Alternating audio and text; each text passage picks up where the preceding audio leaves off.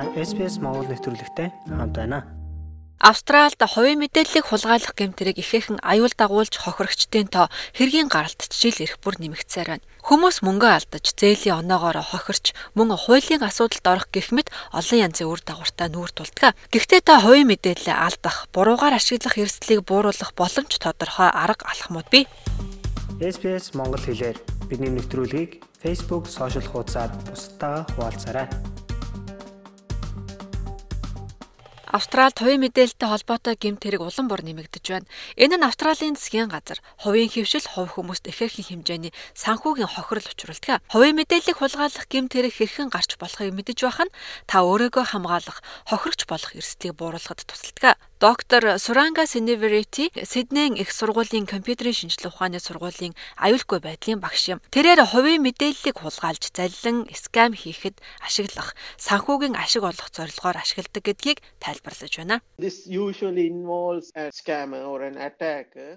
Ихэвчлэн ловерчид эсвэл халдагчид хэн нэгний нэрийн өмнөөс зээлийн карт авах, эсвэл зарим тохиолдолд бусдын хувийн мэдээллийг ашиглан татварын буцаа олголтыг нь авах, нийгмийн халамж за тэрч байтугай тухай зээл авах зэрэгт ашигласан байдаг. За гэвч тэр хүн өөрийгөө ийм хэргийн хохирогч болсноо огт мэдээгүй байх тохиолдол ч олон байдаг.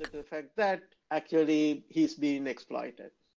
Өнгөрсөн 22 онд гэхэд австралчууд скамын улмаас 568 сая долларын хохирол амсжээ.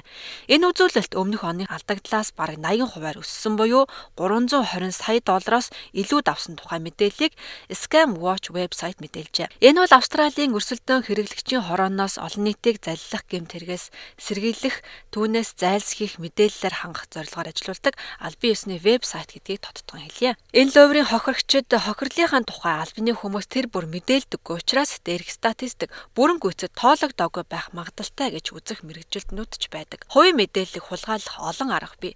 Мэдээллийг хулгайлах зарим аргууд нь фишинг, хуран мэхэлж мэдээллийг нь авах, хакердах, итгэлийг нь олж аваад мэдээллийг нь цуглуулах зэрэг олон арга байдаг.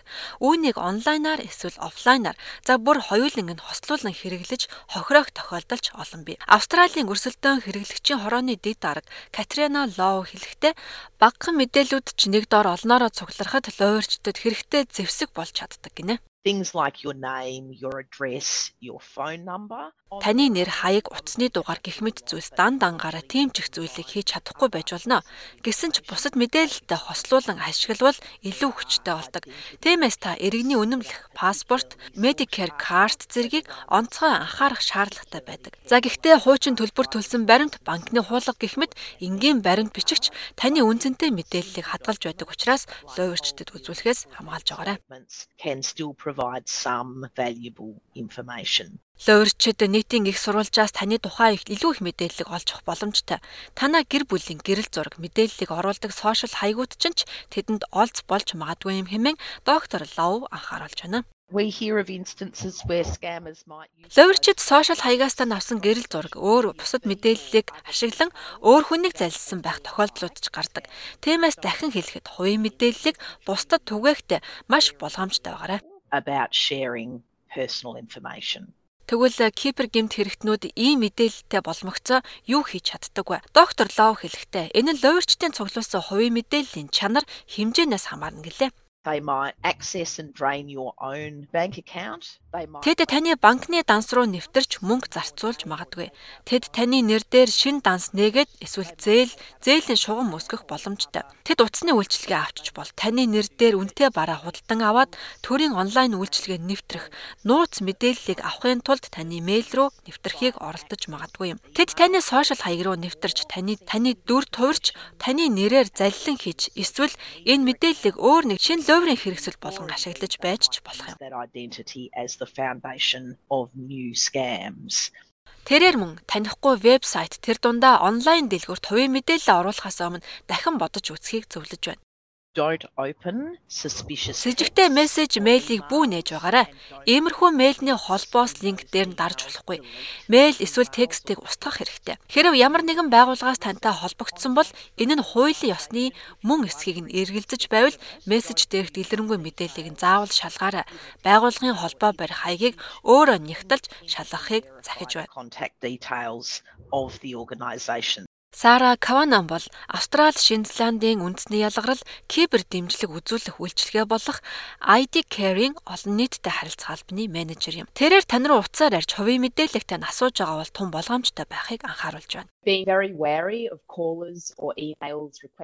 Та хувийн мэдээлэл өгтөө үргэлж болгоомжтой байгаарай. Ялангуяа таны жолооны үнэмлэх, паспорт, Medicare эсвэл банкны нэвтрэх мэдээлэл зэргийг асууж байгаа бол болгоомжтой хандах хэрэгтэй. Та тэр хүний хэн болохыг нь бүрэн таньсан, баталгаажуулсан эсгээ дахин нэг бодож үзээрэй. details. You want to be absolutely certain that you verified that the person is who they say that they are. Хадагта Кавананг гэртээ байгаа өөрийн чухал бичиг баримтынхаа нууцлалыг хангахыг мөн сануулж байна. Ялангуяа аялаж байх үедээ хувийн бичиг баримтаа шалгахыг зөвлөж байна. Шуудангийн хайрцгаа түгжиж, хуучин гэсэн хувийн мэдээллийг тань агуулж байдаг бичиг баримтыг устгаж байгаарай. Бас нэг онцгой анхаарах зүйл бол онлайн хаяг бүртээ хүчтэй өвөрмөц нууц зүгтэй байх нь хамгийн чухал хамгаалалт болно гэлээ.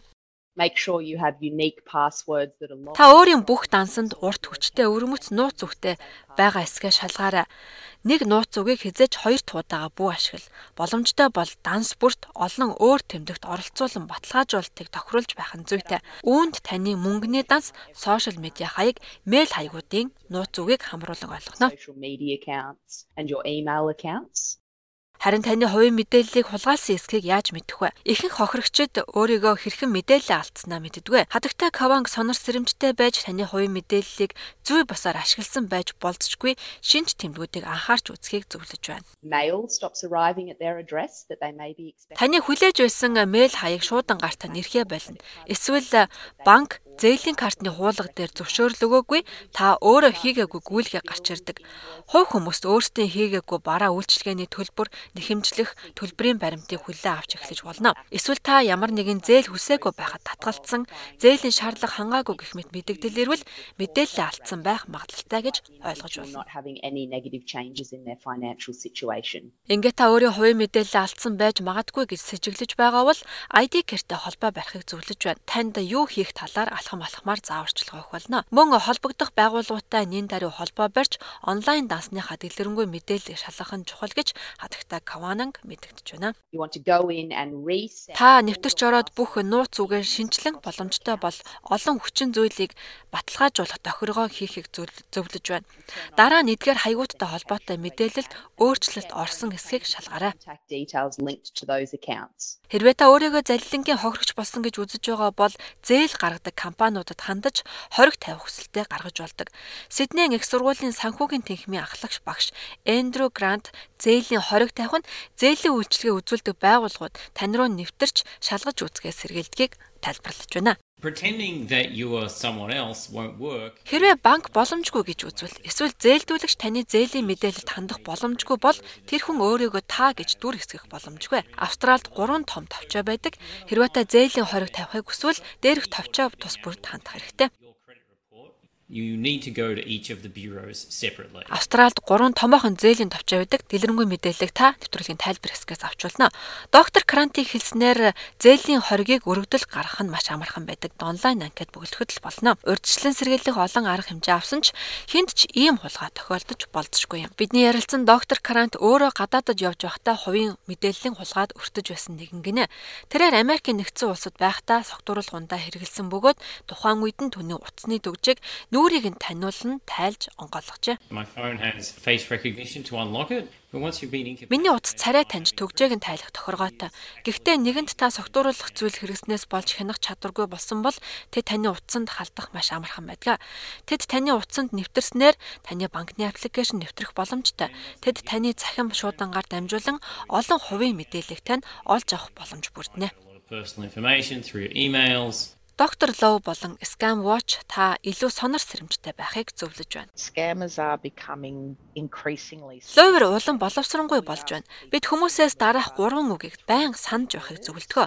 Үүнд эхлээд зогс, бод, хамгаалт гэсэн гурван түлхүүрэг байдаг. Хэрвээ та зогсолсэйгээд энэ гүйлгээний нөгөө талд хэн байгааг би үнэхээр мэдэж байгаа эсгээ бодож үзээрэй. Тэгээд хамгаалаарай. and your bank and report the matter to Scamwatch. Хэрвээ та залилан мэхлэлтийн хохирогч болсон байж магадгүй гэж санаа зовж байгаа бол ID Care болон банктайгаа холбогдож мөн энэ тухайга Scam Watch-д мэдэгдээрэй. Үүнтэй адилхан бусад нэвтрүүлгийг сонсомоор байна уу? Apple Podcast, Google Podcast, Spotify эсвэл та өөрийнхөө сонсдог апп ашиглан манай нэвтрүүлэгтэй хавд байгаарай.